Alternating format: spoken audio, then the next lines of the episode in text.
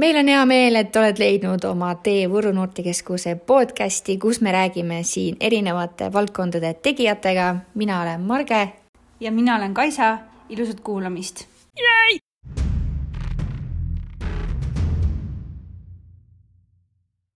Täna on meil külaliseks mees, kes ehitaks lennukivaru osadest Eestisse kõrgemad mäed, sest tema eluarmastuseks on jalgratas ning kui kõik tema unistused on täidetud, siis pensionieas müüks ta hot dog'e.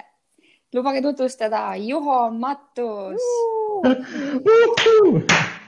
täiesti lõpp, kus see oli intro alles no,. ma ei ole, sellist asja kuulnud varem. tere. Juho, ütle, kas me laias laastus panime täppi või oli see täiesti mööda? ei no ma pärast võtan selle salvestuse välja, ma kirjutan selle teksti ümber endale, mis intro siit just tuli ja ma muudan kõik enda biod igal pool ära ah,. me täname. see oli, see oli, tegelikult reaalsus on, on täpselt see, mis ta just rääkis ja sihuke pilvepealne elu on mul teemas küll ja oi kui hea. see oli tõesti hea.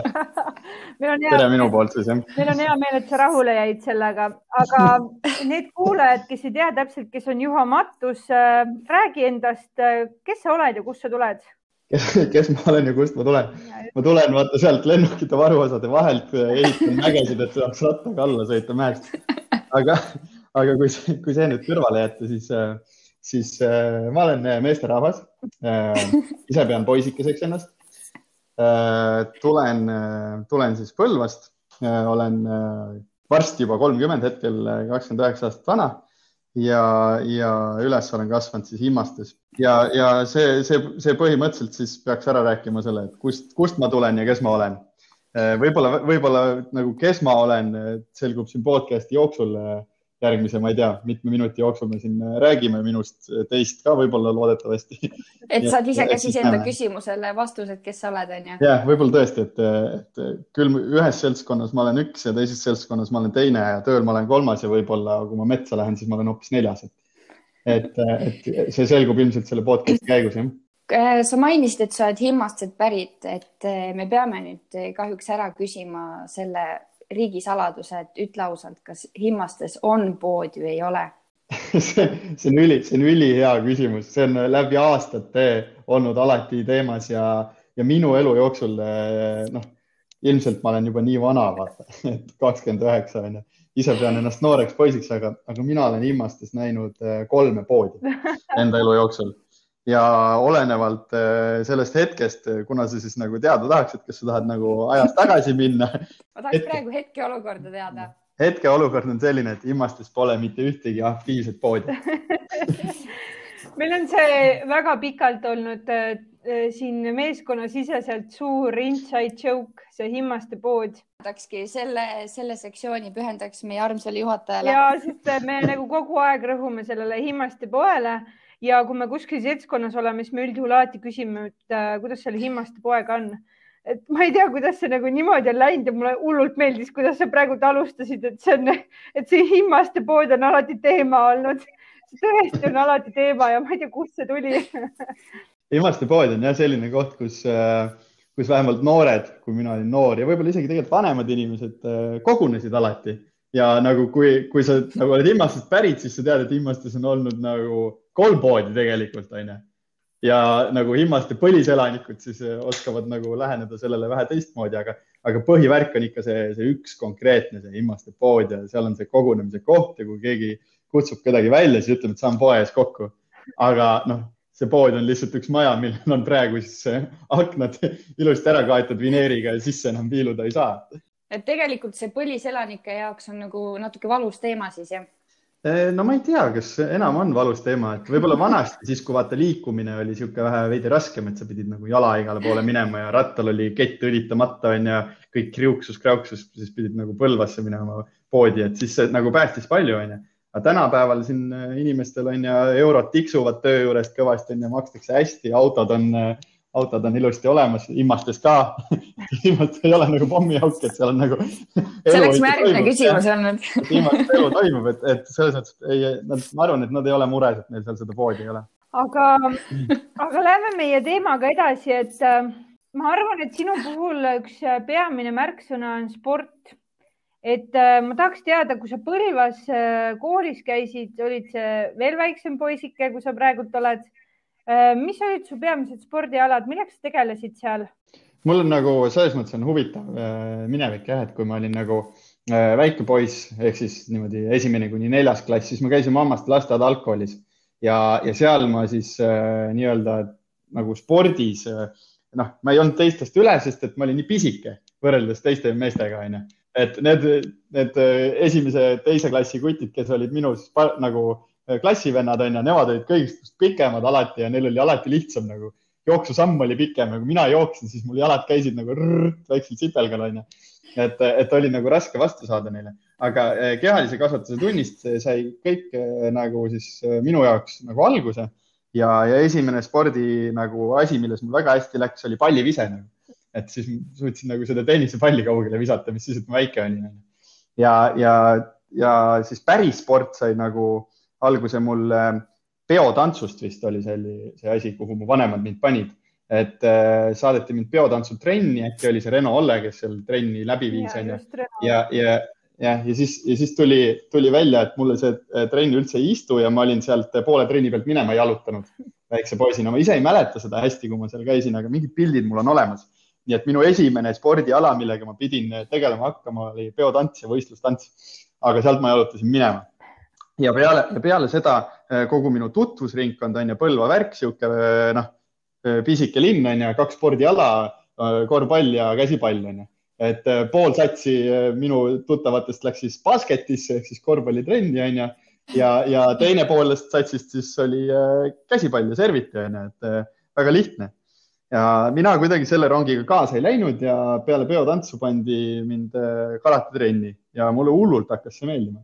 Nii et minu nii-öelda see sportlaskarjäär sai alguse peotantsutrennist, kust ma minema jooksin ja, ja jäin siis peatuma karate sellise ala peale et seal karates siis äh, kaks ala, kata ja kumitee ja siis mina hakkasin seal äh, Marge Koorti käe all siis äh, trenni, trennis käima ja seda ma siis tegin kümme aastat, et mina siis äh, sinna käsipalli poole ja, ja korvpalli poole jõudnud, palli ma põrgatada ei oska, käsipalli palli ma ilmselt suudan visata kaugele, aga mitte, mitte nii nagu need poisid seal, kes platsi peal jooksevad, et nagu üksteise vahel loobib. ja ma ei tea, kas ma nüüd peaks edasi minema nende spordialadega, millega ma tegelenud olen. ja, ma tahaks jõuda rattani jah, et, et ma, et ma siis äh, tegelesin selle karateega väga pikalt ja päris nagu kõrgel tasemel kuni Eesti koondiseni ja MM-ini välja ja, ja siis äh, selle karatetrenni äh,, trennis käimise vahepeal äh, üks Põlva poiss suutis mulle, ma ei tea, kogemata saata Youtube'i video rattaspordist, et kuidas inimesed sõidavad jalgrattaga mäest alla, onju. ja siis ma nägin seda videot ja vaatasin järgmist ja sain tema käest ühe DVD. Vaatasin selle jalgrattafilmi ära ja peale seda ma olin sada protsenti kindel, et minust saab jalgrattur. et mul on seda ratast vaja, millega siis mäest alla sõita ja ma räägin ainult mäest alla sõitmisest niimoodi, et, et lähed liftiga ülesse või siis tõukad rattamäest ülesse ja sõidad mööda siis spetsiaalselt ettevalmistatud rada mäest alla võrukatel on kõigile see tuttav, see kütiorg, mis teil seal on, onju. ja see on üks siis Eesti nagu selles mõttes äh, mäest laskumise ehk downhill'i meka äh,. aegade algusest saati on siis äh, Eestis korraldatud just äh, kütiorus neid üritusi, et saaks liftiga üles, paned ankru jalge vahele ja lähed rattaga mäkke. ja siis äh, mina selle ala leidsin ja, ja kaheksateist aasta sünnipäevaks enda esimese rattaga kingituseks sain äh, vanematelt ja tuttavatelt ja, ja peale seda karate oli no-go Eesti koondise nii-öelda sellele projektile ma ütlesin siis ära, et mina enam karatega tegeleda ei viitsi, et mul on nüüd ratas. Ja siis ma hakkasin seda rattaasja ajama äh, seal Põlvas ja, ja downhill'i poole pealt oli, varem olid tegelenud paar poissi ja nemad siis lõpetasid sõitmise ära ja siis ma olin üksi. ja, ja nüüd siis äh, tänaseks äh, üle kümne aasta olen ma rattaga sõitnud siis mäest alla just Euroopas kõige kaugemal olen Kanadas käinud enda rattaga maailmameistrivõistlustel ja ja, ja nii ta on läinud, et minu, minu spordialade vahepeal on veel mahtunud korraks ka ultimate frisbee ehk siis äh, lendava taldriku loopimine tiimiga ja, ja need võistlused Eestis, kus siis äh, äh minu äh, nii-öelda Tartu koolikaaslane ütles, et kuule, Juha, ära jama, et tule, et meil oleks vaja kedagi, kes viitsib joosta ja kes on nagu sportlik. ja, ja sealt ma siis sattusin niimoodi trenni, et ma olin täiesti müüdud Tartus elades ja ja siis ma rattaspordi kõrvale vahepeal käisin ka Ultimate Frisbee trennis, nii et kolm minu niisugust suuremat spordiala, millega ma tegelenud olen, on karate rattaga sõitmine ja siis ultimate frisbee. Kuidas see ultimate frisbee üldse, kui populaarne see Eestis on, sest mina näiteks, ma üldse ei ole kuulnud või näinud, et sellisest, sellist asja Eestis tehakse no,. E-, ega ta väga populaarne ei ole, aga mis ma öelda võin, on see, et Eesti tiim on kaugele jõudnud, kaasa arvatud see meeste tiim, kus mina mängisin, et Euroopa suurimal turniiril Stockholmis me finaalis saime napilt tappa, aga me olime nagu tublid, lätlased on meist kõvasti paremad Äh, aga üldises pildis on niimoodi, et äh, platsi peale siis siseruumis on äh, ette nähtud viis mängijat ühes tiimis on ju, et siis kümme, kümme, kümme mängijat on korraga platsil ja välitingimustes siis jalkapallatsi mõõtudes on siis seitse inimest tiimis ehk siis neliteist mängijat. ja, ja kui neid tiime nüüd võtta Eestis, siis noh, umbes selline viis-kuus tiimi saab kokku, kes siis omavahel saavad nagu võistelda, et kui Eesti karika mingisugust liigat tehakse, siis, äh, siis nad teevad niimoodi, et äh, pannakse nagu nimekiri kokku ja siis jagatakse kõik mängijad äh, eraldi ära, et väga vähe on selliseid võistlusi, kus siis klubid omavahel mängivad, aga, aga mixed üritusi on, on natukene rohkem. Ja nagu populaarsuse poole pealt, siis no ega ta kuhugi ei jõua, kui teie kõige aktiivsemad noortekeskuse tegelased Võrus ei ole sellest alast kuulnud ja ei ole seda ala näinud, onju, siis no võib suht kindlalt väita, et see on selline ebapopulaarne ala, aga, aga need, kes seda teevad, nad teevad seda ikka väga sportlikul tasemel, trennid eh, on väga tihti ja käiakse jõusaalis korralikult pumpamas, et jõuaks seda ketast visata ja täpselt muidugi. aga downhill on ju väga ekstreemne spordiala. räägi, palju sul traumasid on olnud see on nagu niisugune huvitav küsimus minu jaoks, et äh, mis on trauma sinu jaoks üldse või? et kõigepealt, kõigepealt ma peaks enda jaoks nagu ära defineerima, mis on trauma, onju, ja siis ma peaks hakkama tagasi mõtlema nüüd kümme aastat, mis, mis siis need traumad olnud on, onju. et kui te lasete mul ise seda defineerida, onju, siis ma, siis ma võiks öelda, et mul on olnud mingisugused viis-kuus traumat äkki. et äh, ma olen elus murdnud ühe luu ja see on Kämbla luu siin väikese sõrme juurest, äh, mis läheb siis äh, peopessa, onju, see luu on ju metakarpaalluu. Ja selle ma murdsin niimoodi ära, et me sõitsime, see oli, ma arvan, et see oli Slovakkias, Ružomberokis, läksime niisama ratastega mäest alla sõitma, mitte nagu downhill'i, vaid lihtsalt väntama, et oleks nagu enam-vähem pargis saaks tunnetuse kätte ja siis oli üks niisugune väike pajuvits, millele ma sõitsin suure kiirusega lihtsalt lenksu otsaga otsa. Ja käis niisugune raks, raksakas läbi, onju, esimene päev Euroopas, eh, siis karavaniga olime seal. Ja, ja siis mis mul läks? Mm, äh, kolm nädalat Euroopas ja rattaga sõitmist põhimõtteliselt äh, võrreldes sellega, mis planeeritud oli, äh, võib-olla, ma ei tea, viis protsenti siis sellest, mis teha sain. et mm läks mul selle tuksi, Euroopa karikas läks mul sellega tuksi, ma proovisin küll valuvaigistitega sõita murtud käeluuga onju. Ja, ja no läks, lihtsalt läks tuksi onju, et ei saanud hakkama. et see on siis nagu üks onju nendest kuuest. Siis teine mul oli huvitav case oli see, kus ma pidin minema Kanadasse võistlema maailmameistrivõistlustele ja esmaspäeval oli hommikul, varahommikul lend kell viis nelikümmend, aga pühapäeval oli veel Lätis võistlus ja siis ma pakkisin kõik enda asjad äh, laupäeva hommikul kokku, läksin laupäeval Lätti teise rattaga, mitte võistlusrattaga, vaid ühe teise rattaga läksin võistlema, panin endale selga mitte need võistlusasjad, mis ma juba siis ära olin pakkinud. Kõik sihuke, noh, mitte nagu päris võistlusvarustus, vaid vanad äh, asjad, mis mul kõik olid ja vana ratas ja, ja, ja siis ma suutsin võistlussõidu ajal pühapäeval äh, äh, pedaali pealt varba panna vastu juurt, maas olevat juurt niimoodi, et ma murdsin endal varbaluu, suure varbaluu onju, üks päev enne Kanadasse minekut. sõitsin siis Lätist EMO-sse, EMO-s öeldi, et varbaluu on puru äh,. EMO-st sain öösel minema umbes kella kolme paiku, läksin koju, võtsin kõik enda asjad ja panin lennujaama et see oli siis mu teine trauma ja siis Kanadas MM-il ma võistlesin suure äh, varbaluumurruga. aga noh, suure varbaga midagi ei tehta, öeldakse, et pane valuvaigistit, anna külma ja rahu ja on korras mm. -hmm. ja siis ma läbi valuvaigistite mässasin seal, äh, seal Kanadas. Ja... ma lihtsalt mõtlen, et äh, päris raske võib su ema olla, et iga päev mõtlen, et issand jumal, kas mu poeg on elus täna no ema töötab kiirabis ja ta on nagu harjunud, et ta näeb igasuguseid asju, et mina olen siiamaani koju jalutanud niimoodi, et mul Äh, käsi võib-olla on kuskilt katki ja tuleb midagi verd ja väiksed marrastused ja võib-olla kukkusin puu otsast alla ja tõmbasin endale kõhu kuskilt katki ja mingid sellised lihtsamad asjad onju. et mul ema on ilmselt harjunud, ta seal töö juures näeb igasuguseid huvitavaid. No siis küll. huvitavaid asju onju. Et äh, kui jah, kaks sellist äh, suuremat asja, siis oligi mul see, kus, kus ma siis pidin murtud luuga üritama võistelda, aga ei, aga ei saanud nagu hakkama ja siis kolmas case oli niisugune, kus ma siis finišijoone peal sõitsin no, nii-öelda rajavõrku ja finišist lendasin üle siis niimoodi, et ma rullusin mööda asfaldit ja, ja siis olin Austrias haiglas kaks päeva, isa tuli mulle Eestist järgi koos vennaga. see on see kolmas. Eestist? jah et Eestist sõide, sõitsid nad mulle järgi, sest et teised poisid olid äh, karavanis, kes olid alaealised, neil polnud lube ehk siis karavaniga pidi keegi sõitma, sõitma ju Eesti tagasi. ja siis mu vend, vend sõitis enda autoga, isa tuli ja võttis siis karavani ja siis äh, transportis meid sealt koju, sest mul peapõrutuse tõttu ma ei saanud sõita. neljas case oli siis ka, et tegime trenni Norras, Hafjelis Äh, video peale jäi ka see kukkumine, see on üks minu elu kõige raskemaid kukkumisi. pärast ma võin teile seda linki jagada, saate võib-olla teistega näidata. igas Youtube'is on see üleval, kuidas ma täiega vastu puud sõidan ja kaks minutit nokis olen, midagi aru ei saa. sa kõlad jõhkralt praegu. ei, ei nagu ma, ma olen endiselt elus ja ma olen väga õnnelik inimene ja ma tunnen, et need kukkumised on viinud mind sinna, kus ma praegu olen ja ma ei ole üldse nagu, äh, kuidas ma ütlen, ma ei tunne ennast halvasti, et ma kunagi kukkunud olen et ma tunnen sel hetkel ennast halvasti, et midagi jääb nüüd tegemata selle kukkumise pärast, onju. mingid võistlused mhm. jäävad vahele või mingid trennid jäävad tegemata või noh, oled Euroopasse läinud, palju raha maksnud, onju, teised sõidavad pargis, neil on nagu tore äh, panevad mäest alla, sõidavad kondliga üles, mäest alla, kondliga üles, mina olen karavanis, teen neile putri, onju.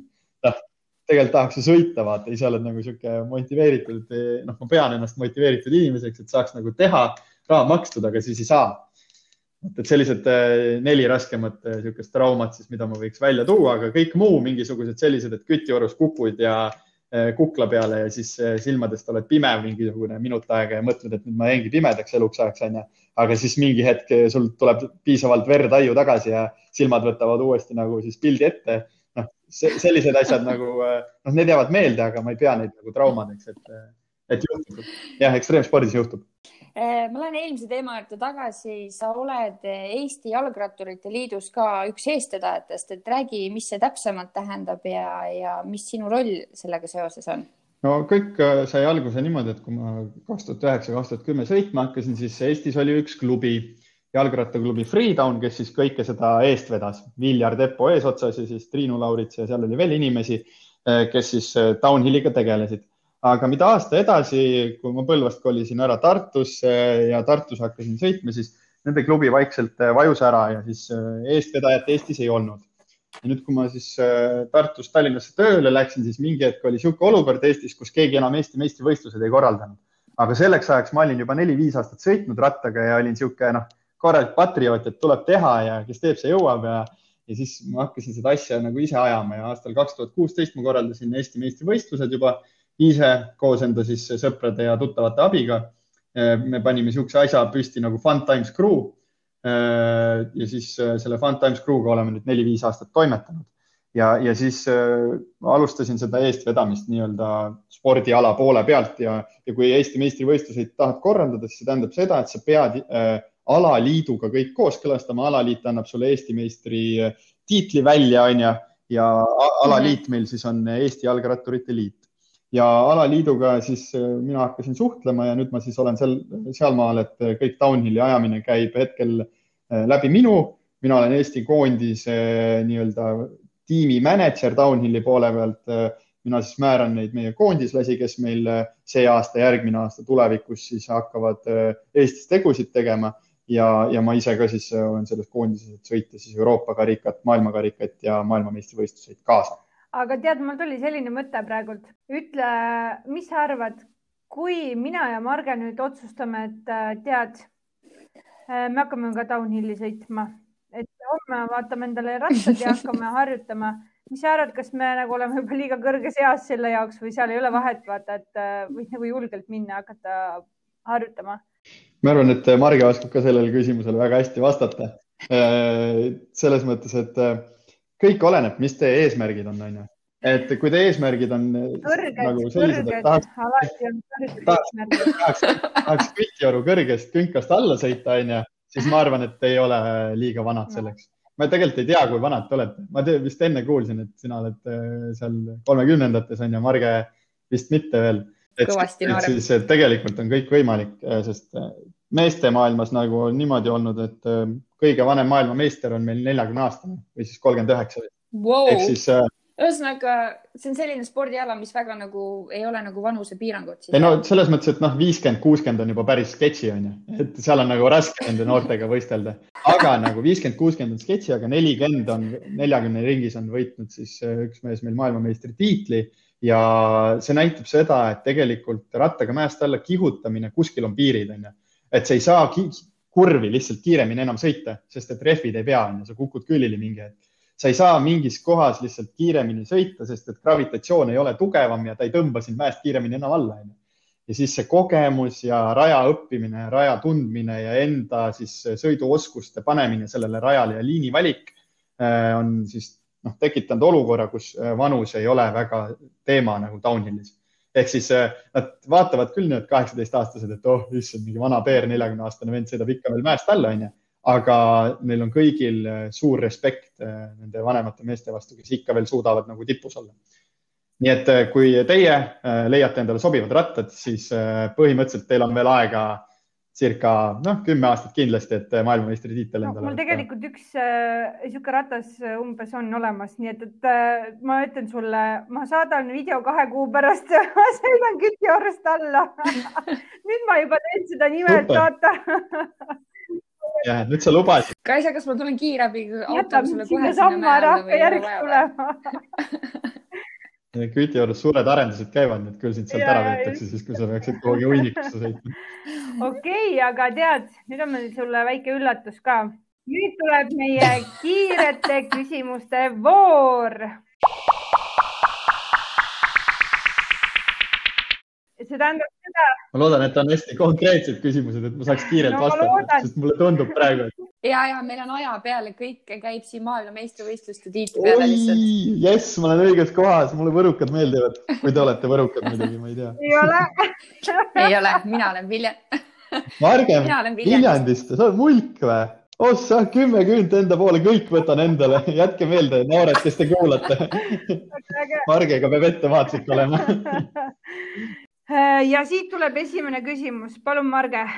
kas lennundus või jalgratas oh my god, minge noh no põhimõtteliselt mul on üliraske sellele küsimusele vastata, äh, sest et lennundus pakub mulle hetkel rattaid ja võimalust rattaga sõita, sest et ma lennunduses töötan. aga ma, kui ma nagu pean jah või ei vastama, siis ma ütleks, et äh, jalgratas ikka et ilma lennunduseta ma saan hakkama, aga ilma rattata ma vist ei saaks hakkama. kas Sepo Seeman või Sander Õigus oh,? Sander Õigus, ikka kindlasti mis on parim vabandus, mille oled toonud hilinemiseks? parim vabandus, mille olen toonud hilinemiseks? me peame selle küsimuste vooru nime vist ära. ei, ei, oot, oot, oot, oot, oot. mul tõmbas praegu klatsi päris kokku. ma arvan, et me võiks selle nimeks panna näiteks äh, üllatusküsimused või raskete küsimuste voor või midagi sellist ma arvan, et mingi parim vabandus on alati, kui, kui sul juhiload on, siis sa saad öelda, et auto läks katki. Aga nagu ma ei tea, kas ma olen kasutanud seda üldse või? ma ei tea, kas. sa oma koera ei ole kunagi süüdistanud või eh,? kui sul muidugi on ei, koer. ma olen koertega elanud, aga mul koera endal ei ole ja nagu koerte pärast, eh, noh, see ei ole vabandus, vaata, see on väga lihtne, et sa pead nagu lihtsalt koertega tegelema. et seda, seda ma ei võtaks nagu vabandusena aga et eh, kui ma hiljaks jään, ma ei tea, mille iganes pärast, siis ja, ma ei oska öelda nagu, ma, ma, ma, ma väga eh,, ma lihtsalt, ma lihtsalt nagu tavaliselt vabandan, sorry, et ma hiljaks jäin nagu. mida sa arvad eh. aiapäkapikkudest eh, ma ei ole aiapäkapikke mitte kunagi näinud, ma loodan, et nad on olemas ja ma arvan, et nad on positiivsed ja nad toovad õnne väga lahe, ma räägin sulle pärast, mis need aiapäkapikud on, onju. tuleta mulle meelde kas äh, trenn hommikul või trenn õhtul? Ehm, see on nagu sihuke siinusgraafik minu jaoks, et täna ma vastaks trenn õhtul. kas six-pack kehal või six-pack korvis? oh, kehal ikka, come on väga õige. ja nüüd on meie kõige lemmikum küsimus, see on kõige olulisem küsimus üleüldse. kas sokid käivad sandaalide sisse? ma sandaale ei kanna, ma kannan ise krokse ja mul käivad krokside sisse sokid. sest et. sa oled krokside mees. täielik, ma olen full on kroksi vend, ma tahaks, et Crocs Eesti sponsordaks mind, ma olen kümme aastat kroksidega käinud, ma ei ole elu sees ühtegi paari, ei ühe paari krokse vist olen endale ostnud, aga kuidagi ma olen saanud igalt poolt krokse niimoodi, et ei ole pidanud maksma neid. ma tean ühte veel, kes on mega krokside fänn lihtsalt. ja mul on kroksidega äge olukord on äh, üliõpilaste suvemängudelt, kus tehti kiirusjooksmise võistlust ehk siis radariga mõõdeti max speed'i ehk siis kui kiiresti sa suutsid joosta ja seal olid Eesti kiiremad poisid kohal enda naglikutega, nende sprinterite, kossidega onju ja siis meie vaatasime sõbraga, lasime seal seda six-pack'i onju, millest sa enne rääkisid ja siis äh, ühe kursavennaga äh,, Robin Lilleoruga siis vedasime kihla, et äh, kumb kiiremini jookseb. minul oli siis kroksid jalas onju, müts peas, labakindad käes onju ja siis panin nagu siis race mode'i endale ja siis jooksin nelikümmend, mis see oli, kaks kilomeetrit tunnis radarisse ja see oli äh, äkki viis kilomeetrit kiirem kui teisel kohal ja keegi ei uskunud seda, aga kõik nägid radaris seda nagu tulemust ja nad arvasid, et radar valetas, sest et teised mehed olid Eesti sprinterid onju seal minu vastu. ja siis nad andsid mulle lohutusauhinna ja ma esimest kohta ei saanud, aga ma arvan, et need olid need kroksid. nii et ma olen kroksi usku täielikult. Sorry, reklaam, reklaam räige muidugi, aga mis seal ikka noh.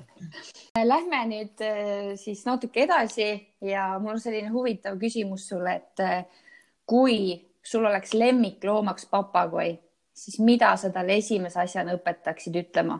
ma õpetaks talle ütlema, et Põlv on maakoht sest et kui mul vanemad külla tuleksid ja siis nad näeksid papagoid ja nad vaataks papagoile otsa ja papagoi ütleks, et Põlva on maakoht. ma arvan, et see oleks sügav lahe. väga lahe. ma ei, ma ei ootanud seda vastust ja mulle meeldib see lihtsalt. mul tuli lihtsalt pähe see, kuidas mul üks sõber õpetas enda väiksele lapsele, tal sündis poeg, onju, väiksele lapsele, et Tartu on maakoht, sellepärast et tal vanemad elasid Tartus. Ja siis, kui ta läks vanematele külla nii-öelda vanaisa, vanaema juurde ja siis nad küsisid, et noh, kas poiss räägib ka juba või? siis äh, ta oli juba välja õpetatud, sa pead vanematele ütlema, et Tartu on maakoht, siis mul on kuidagi meelde jäänud see, ma tahaks sama asja teha. Kaisa, aga ma arvan, siin on õige koht Aa, seletada no, aiapäkapikkust. aiapäkud, päkapikud on vaata need kujukesed, mida topitakse igale poole aeda niimoodi lillepeenra äärde vaata ja need on, need on nagu Eriti need savist kujukesed, vaata mõned panevad niisuguseid äh, mingeid seeni ja ma ei tea, mis asju onju et need on need aiapäkapikud. Aga see oli nii lae vastus ikkagi. Mina, mina kujutasin midagi muud ette, aga nüüd, kui sa räägid, mis need päriselt on, siis mul tuli kohe meelde üks film Projekt X, et noortele, noortele ja. kindlasti meeldib, vaadake seal üks päkapikk lüüakse kurikaga puru ja see on päris lahe kaader. Ja see on filmides ülipopulaarne sellepärast ma mõtlengi, et ma Eestis väga-väga vähestes kohtades näeb selliseid asju aga äkki läheks edasi sellega, et äh, mis sa tegid peale keskkooli lõppu? ja keskkool. jõuame sinu, sinu, jõuame sinu igapäevatöö juurde vist siin, siinkohal. nojah, keskkool siis, äh, keskkoolis ma käisin äh, Põlva Ühisgümnaasiumis ja seal ma olin niisugune noh, keskmisest äh, aktiivsem keskmisest aktiivsem, ma olin lühike poiss kusjuures jah, keskmisest aktiivsem, lühike ja, ja niisugune alakaaluline kõrend ja, ja siis äh, Põlva Ühisgümnaasium kümme, üksteist, kaksteist klass, lõpetasin kooli ära. Äh,. kusjuures lõpukõne pidasin mina koos ühe teise tüdrukuga, äh, kes, äh, kes on Eneli, tema mängib jalgpalli. Ja, ja ma olin nagu selles mõttes, ma olin tubli, aga õpetajad arvasid, et minust asja ei saa. Mina olin kindel, et minust saab ikka asja tulevikus ja et ma ei ole sihuke, sihuke nagu mul see tunnistus välja näeb, et äh, kolmed ja neljad on ju, et noh, kolm on ikka rahuldav hinne minu jaoks, et ma sain ikka läbi, on ju ja siis äh, käisin isegi kutsenõustaja juures, aga kuna ma peas olin juba endale välja mõelnud, et äh, noorest saati tahtsin saada ma kas mägironijaks või piloodiks on ju, siis, siis äh, liikusin sinna suunas, et Eestis minna lennundust õppima ja kandideerisin piloodiks. piloodi sellest erialast sain ma nii kaugele, et ma käisin psühholoogilist testi tegemas ja peaaegu nagu oleks saanud siis õppima, aga tuli välja, et ma olen riskialdis väidetavalt ja min, minusuguseid inimesi piloodiks õppima ei saa. ja siis ma mõtlesin, et okei okay,, selge, ma lähen siis teen tööd, et olen, olen suve, olen välismaal tööl, tulen tagasi ja proovin uuesti järgmine aasta.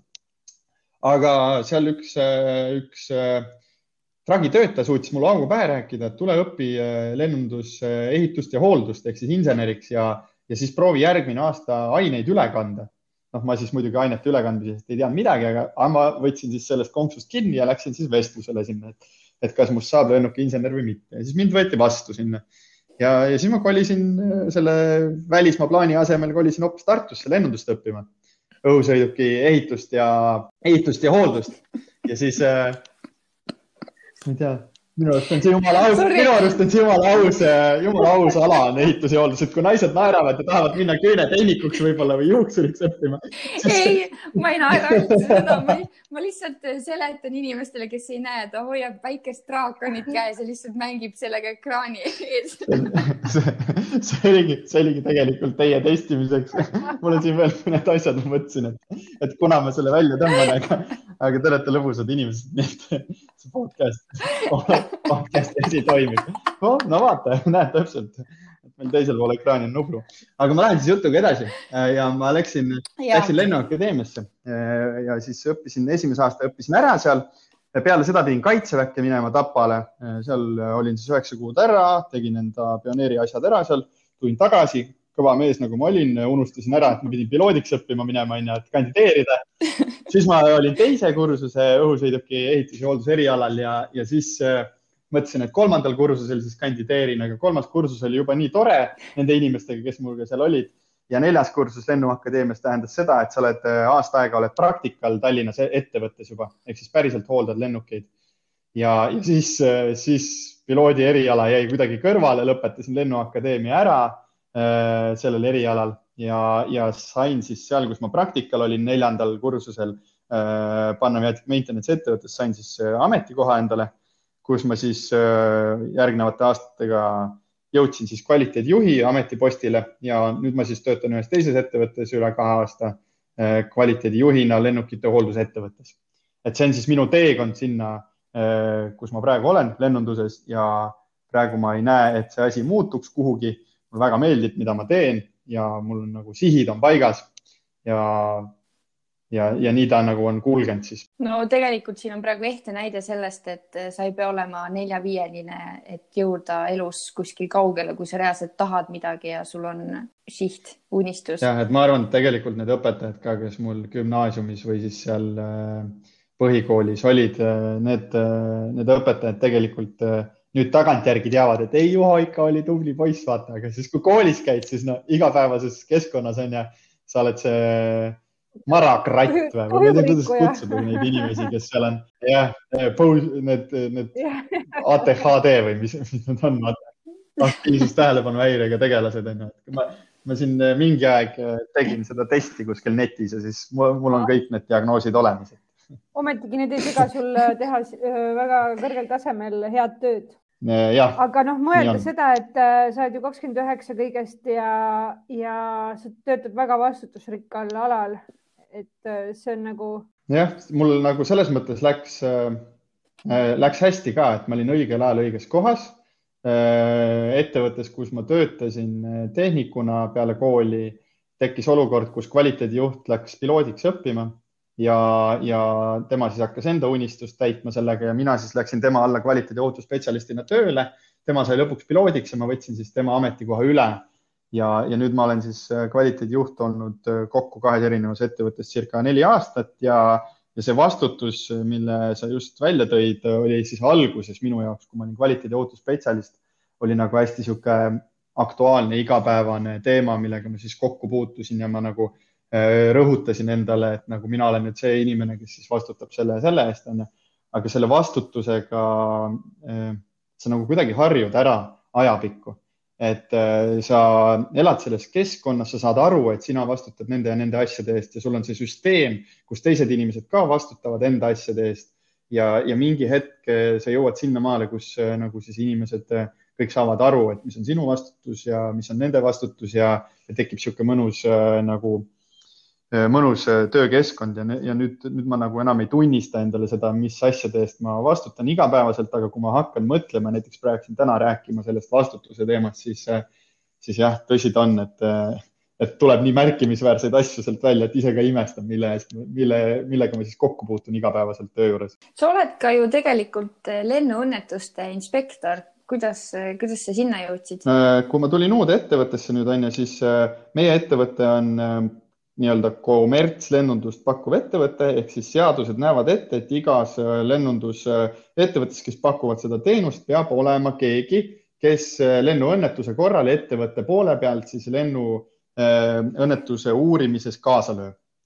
vot ja mm, -hmm. ja siis ingliskeelne termin sellel on safety investigator ja, ja siis mina siis täitsin nagu need kriteeriumid ära, kui ma uue ettevõttega liitusin just enda tausta poole pealt ja selle tehnik, tehniku kogemuse ja inseneeria eriala poole pealt ja siis ja siis mind saadeti koolitusele, käisin Amsterdamis koolitusel ja tagasi tulles siis oli, olid mul kõik need kvalifikatsioonid olemas, kompetentsid ka ja, ja tui-tui-tui äh, sülitaksin kolm korda üle õla, ma ei ole ühtegi lennuõnnetust pidanud äh, veel uurima minema, küll aga ma olen osalenud äh, siis uurimiste protsessides erinevate siis mitte õnnetustega, aga intsidentidega no,. nüüd, kus sa tegelikult ütlesid, et oled teed seda, mis, millest sa oled unistanud, mida sa tahad, mis sulle meeldib. millisena sa näed sa siit veel edasiminekut, mis see tulevik ootab, kui kõrgele veel? kas me jõuame siit meie tutvustuse juurde? no põhimõtteliselt on niimoodi, et kui ma olin ikkagi noor poiss, mul olid unistused, onju, ma tunnen, et ma olen hästi sihuke äh, unistustele sihitud inimene ja kui ma mingi eesmärgi endale sätin, siis ma sinna tahan jõuda. sättisin endale eesmärgi, et ma tahan saada mägironijaks või piloodiks, aga ma ei saanud. ja vaata, mis juhtus, nüüd ma olen kvaliteedijuht, on ju, ma töötan ikkagi lennunduses, aga ma ei lenda, on ju. ja, ja ma olen maa peal ja ma siis äh, tegelen sellega, et see lennuk oleks piisavalt siis nagu ohutu pilootidele ja siis äh, kabiinimeeskonnale siis äh, äh, lendamiseks, on ju. Aga ma olen ikka rahul. ehk siis see unistus, mis mul noorena oli, äh, on eskaleerunud sinna, et ma ei ole enda unistust saavutanud aga ma olen väga õnnelik hetkel äh, sellega, kus ma olen. ehk siis, kui ma täna peaksin teile ütlema mingisugused unistused välja, mis mul elus on, onju, ja ma neid ei saavuta, siis võib-olla viie või kümne aasta pärast ma olen ikkagi räigelt rahul sellega, kus ma tegelikult olen. et äh, see on niisugune nagu backlog sellele asjale, aga kui ma mõtlen nüüd edasi, et kus ma siis olla tahaks nüüd tulevikus, siis mul on nagu endal on siht, et ma tahaks selle enda eriala äh, ja enda ametikohana, enda ametikoha täitmisega jõuda sinnamaale, et ma oleks Eestis üks tipp, tippspetsialiste äh, omas valdkonnas. Ja, ja kui ma suudan nagu, äh, kui ma suudan nagu endale äh, siis nagu tunnistada, et ma olen selle nüüd saavutanud, on ju, siis, siis ilmselt mul on ka uued unistused juba olemas, sest et, sest et minevikku vaadates, nagu ma just rääkisin, siis ei pruugi nii minna, aga ilmselt, ilmselt ma jõuan kuhugi, kus ma ikkagi olen enda eluga nagu rahul. aga mine sa tea, täiskasvanu elu on alati täis üllatusi ja täiskasvanu elu ei ole alati meeldiv, onju. Äh, mul siin tuttavad kõik räägivad kõrval samamoodi, onju, et tuleb ikka asju ette, mida sa kohe kindlasti ei taha enda elus läbi kogeda. Äh, elu on müsteerium, aga küll ma närin sellest läbi ja, ja eks me näe siis, kuhu, kuhu ma jõuan enda eluga. Aga ma ei, ma ei, ma ei löö risti ette näiteks ka sellele, kui ma tahaksin hakata äh, mingit mingiks ärimeheks nagu, jah, täpselt mingiks ärimeheks, kes hot dog'e müüb, on ju, nagu Circle K-s, nad teevad kabanossi, on ju, mulle väga kabanoss meeldib. ülikõva shoot out to äh, Circle K, ülitore siis noh, unistuste poole liikumine on nagu Nii, üks kiiala. mina tean, et sinul on hüüdnimi ka, Kubu. mille järgi see pandud on, kust said siukse nime? Minu e, minu eesnimi on Juho ja tahes-tahtmata seda Juhot millegipärast hakati keerama ja seda keerati siis sinna suunas, et mingi hetk ma olin Juss. nii, ja kui sa oled Eestis Juss, siis äh, mingi hetk tuleb kohe sinna juurde Kubu Juss. nii, ja siis ja, ja siis sellest äh, Kubust äh, või sellest Kubu Jussist jäi alles Kubu onju. ja nüüd siis see Kubu on äh, nüüd sealmaal, et see on ka Kupsik ehk siis pooled, äh, pooled, pooled minu tuttavad, äh, kes rattaga sõidavad, kutsuvad mind Kupsikuks.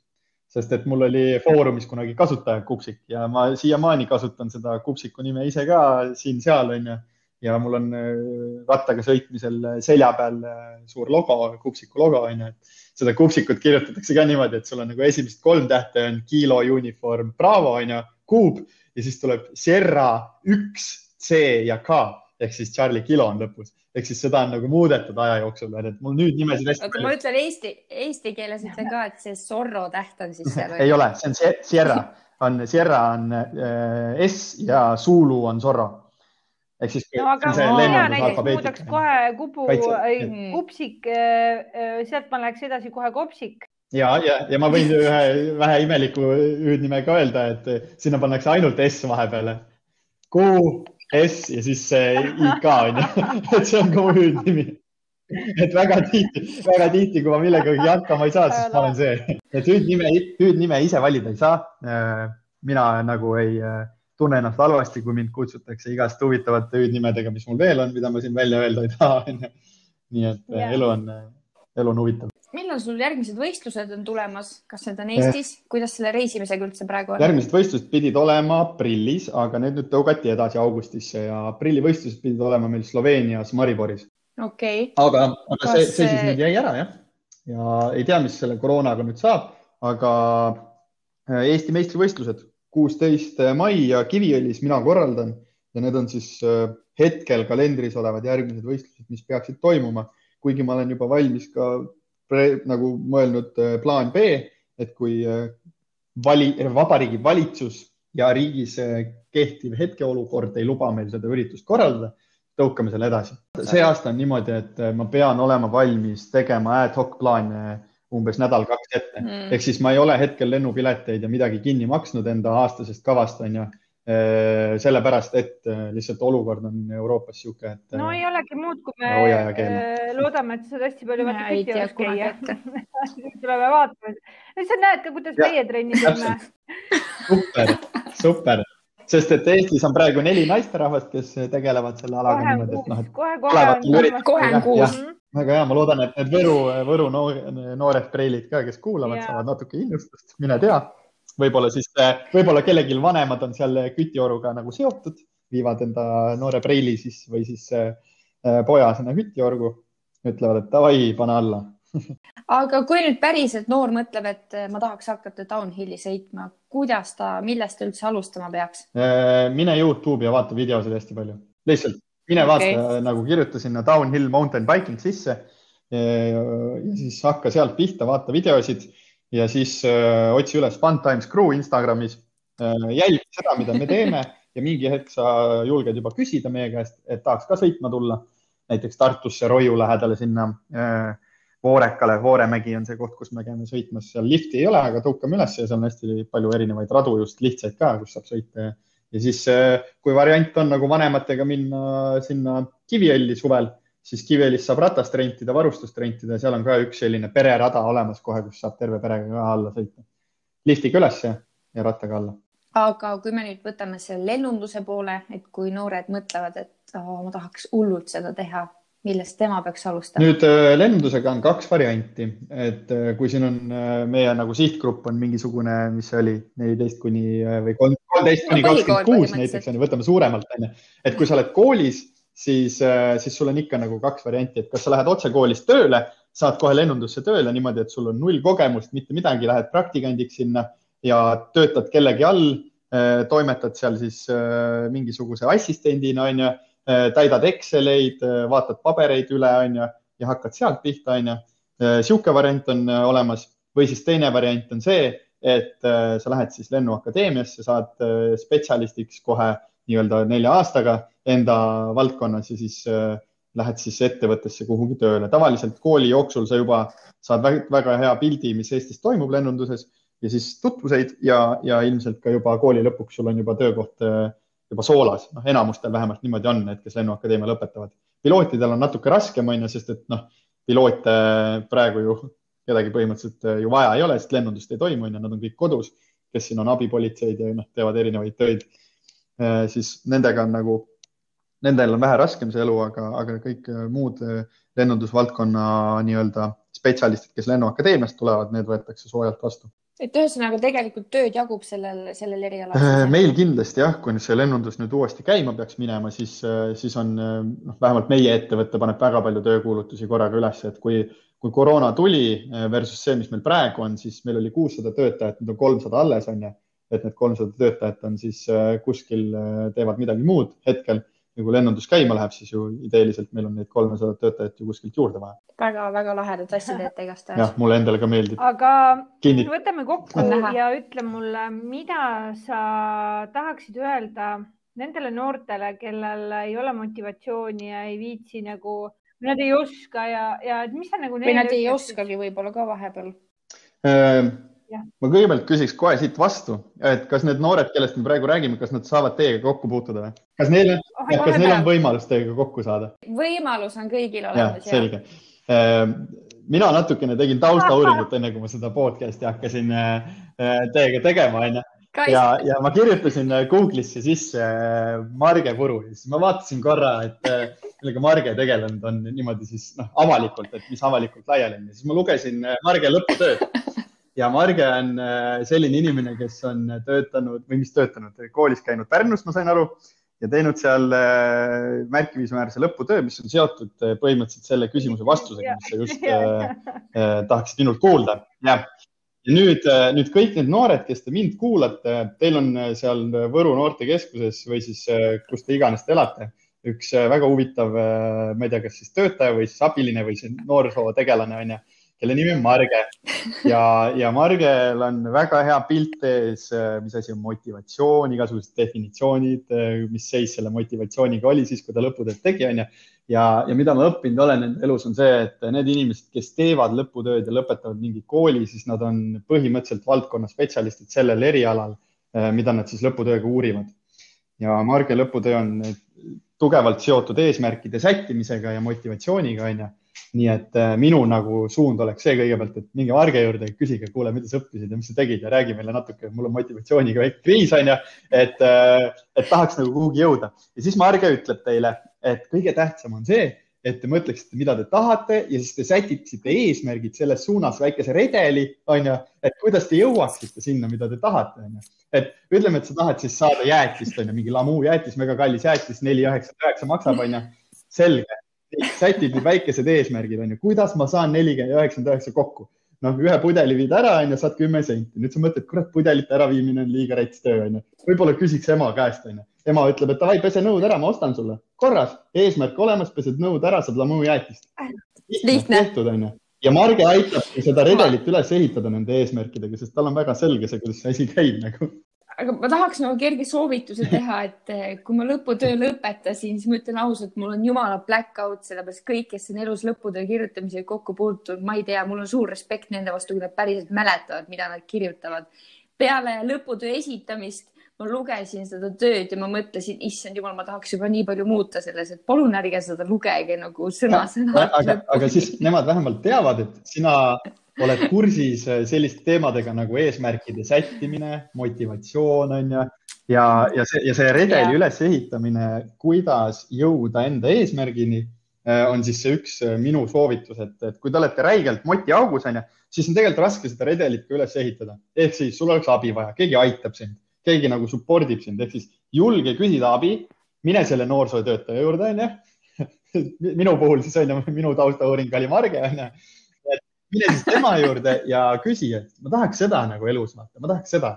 ja siis Marge vaatab sulle otsa ja ta on nagu piisavalt vana ja elukogenud inimene ka juba ja ta suudab sulle siis, suudab sulle siis väga lihtsalt äh, panna selle redeli paika. järgmine asi on see motivatsioon, mille kohta ta sulle võib-olla rääkida oskab ja kui ta ei oska, siis ta kindlasti läheb, loeb ise nagu töö pärast läheb, loeb ise enda lõputöö läbi ja vaatab, mida ta seal siis uuris ja mida ta seal siis tegi, onju. et äh, noh, väga-väga lihtne, küsige abi ja ehitage endale üles eesmärgid, mida te saavutada tahate. ja kui te olete need eesmärgid püsti pannud, siis teil on seda redelit vaja, kuidas sa ronid sinna saavutavuse, saavutamiseni. vot ja mina, mina olen siis kuidagi enda elu niimoodi elanud, et äh, mul on midagi vaja, siis näiteks enda esimese jalgratta ma sain üheksa kuud peale seda, kui ma seda videot nägin et mul oli ikka, no ma koolis rääkisin kõigile, et minust saab downhiller, vaata ja kõik naersid mind nii välja, sa ei kujuta ette, kui välja mind naerdi issand jumal, sa, sa vaatad selliseid videoid, et sa sõidad Kanadas rattaga kunagi või, mäest alla või sa teed nalja või? noh, üheksa aastat hiljem ma olin maailmameistrivõistlustel rattaga Kanadas mäest alla sõitmas, mis siis, et mul oli suure varba luu pooleks nagu. ma sõitsin sealt alla, mida ma näitasin nendele inimestele koolis. Siin, siin oleks vaja seda plaksutamise momenti, aga. see oli küll väga lühike vastus sellele küsimusele. igatahes jah väga lahe ma loodan, et teie samamoodi äh, oma elus äh, mõtlete selle peale, et kui teil on niisugune moti, motikriis ja värki, praegu on koroonaaeg on ju, raske on mingeid asju teha, siis mõelge, et mida te tahate ja, ja pange see redel paika. redel kukub vahepeal ümber, redel kukub ümber, aga siis võtad järgmise. Mul on nii hea meel lihtsalt, mul on nii hea meel, et sa päriselt ka leidsid meie jaoks aega.